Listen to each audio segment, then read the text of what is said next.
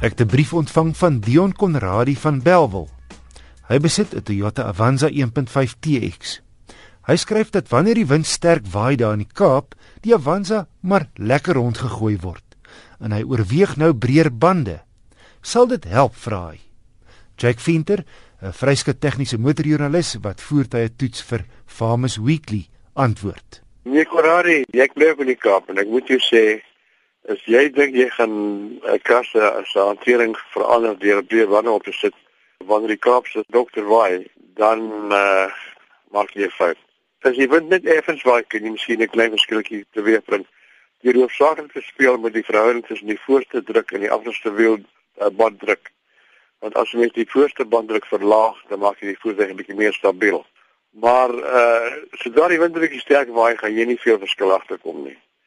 En breë bande het die effek dat die kontakoppervlakte se vorm verander. As jy gewone bande vat, taamlike nou bande, dan kry jy 'n lang maar kontakoppervlakte wat stabiliteit verbeter en padhou verboë effens verminder. As jy breë bande opsit, dan kry jy 'n kort fit padraak oppervlakte wat die padhou vermoë vergroot, maar die stabiliteit verlaag. Maar die verskille wat jy kan maak met 'n gewone motor sonder om die motorskerms bietjie te verander, sal jy seker nie veel verskil agterkom nie. So ek dink die beste ding wat jy kan doen is speel 'n bietjie rond met die wanddruk verskille tussen voor en agter. En uh, raak gewoon aan die bietjie rondstander sampling wat lekker sal kan gewoon daaraan. en jy het is so dat uh, Toyota Avanza is nie baie vaartbelei nie. Hy het maar so 'n bussie lyf van hom. Ja, ja, ek is 'n kommersiële voertuig ja en ek is baie lief vir hom my een sien eendag my sê as ek eendag nog geld kry, watter kar kan ek vir pa koop? Seker maar Wanda.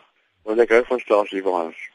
Natuurlike wat ook help is maar om spoed te verminder as die wind kwaai waai. Ja, ja. Dis die enigste klein karretjie wat ek sal weet wat agterwiel aandrywing het. Kom ook 'n bietjie meer stabiel. 'n Kar wat voorwiel aandrywing het, het jy het omtrent 60% van sy massa op die voorwiele. En dit beteken dat die die massa middelpunt is verder vorentoe as 'n kar wat agterwiel aandrywing het.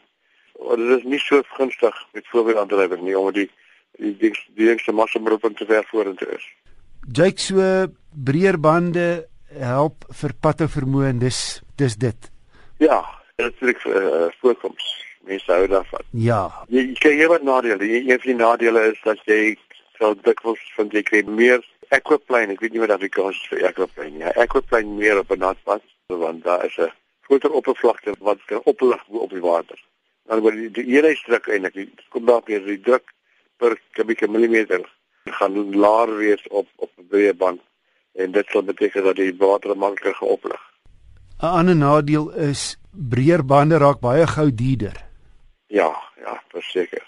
Die tegniese motorjoernalis Jake Venter. Motornavraag kan aan my gerig word deur te e-pos na wissel@rsg.co.za.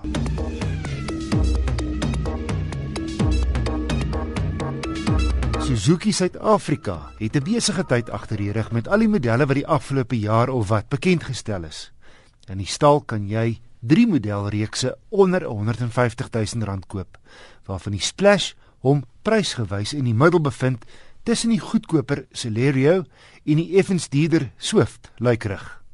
Ek toets die Splash 1.2 GL. Die Splash is korter as die Swift, maar 'n goeie 9 cm hoër en met sy hoë daklyn lyk hy soos 'n klein veeldoelbussie wat hom in die kajuit ruimer as enige ander buksie laat voel. En vanweë die ekstra hoofruimte is die sitplekke hoër geposisioneer. Jy klim dus makliker in en uit. En jy sit hoër as die ander in die klas. Dit gee hom so iets van 'n sportnuts gevoel. As jy ook in ag neem dat sy grondvryhoogte 'n goeie 170 mm is en hy ongelyke padoppervlaktes baie goed hanteer al klagte is dat die petrol en rempedaal so geplaas is dat jy jou voorvoet net te hoog moet oplig.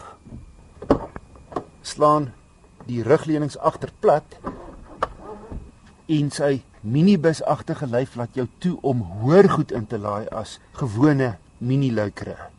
Ook die ruimte vir die agterste sittendes is heel billik met die hoë daklyn.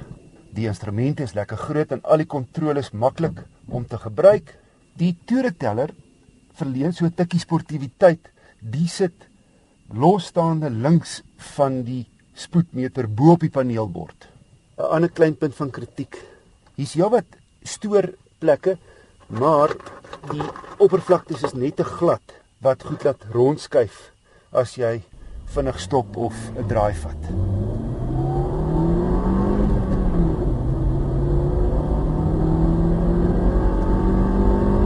Genoeg krag vir stadsry, maar op die oop pad raak hy uit asem teen bilte. Hy's 130 kg swaarder as die Swift 1.2 wat ook 63 kW en 113 Nm uitskop. sien, die Splash is 'n ouer model wat al 'n paar jaar oor see beskikbaar is. Gegeewe die Splash se krag tot massa verhouding het hy redelike lang bene, 120 is gelyk aan 3500 toere in 5de rad.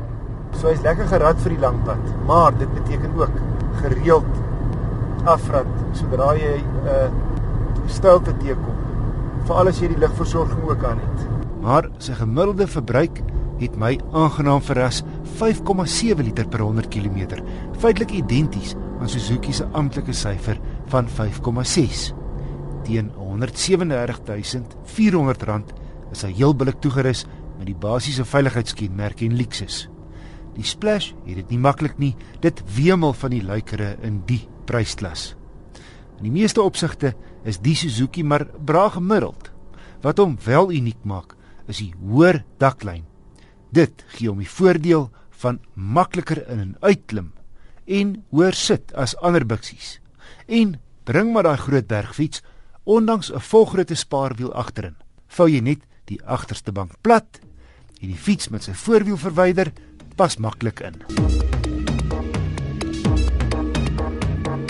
Hier is my wenk van die week. Die vla beerdkrag wat ons beleef, vereis nie net ekstra geduld nie, maar ook verhoogde konsentrasie, veral in die nag. So los maar die selfoonpraatjies vir wanneer jy reeds veilig by die huis aangekom het.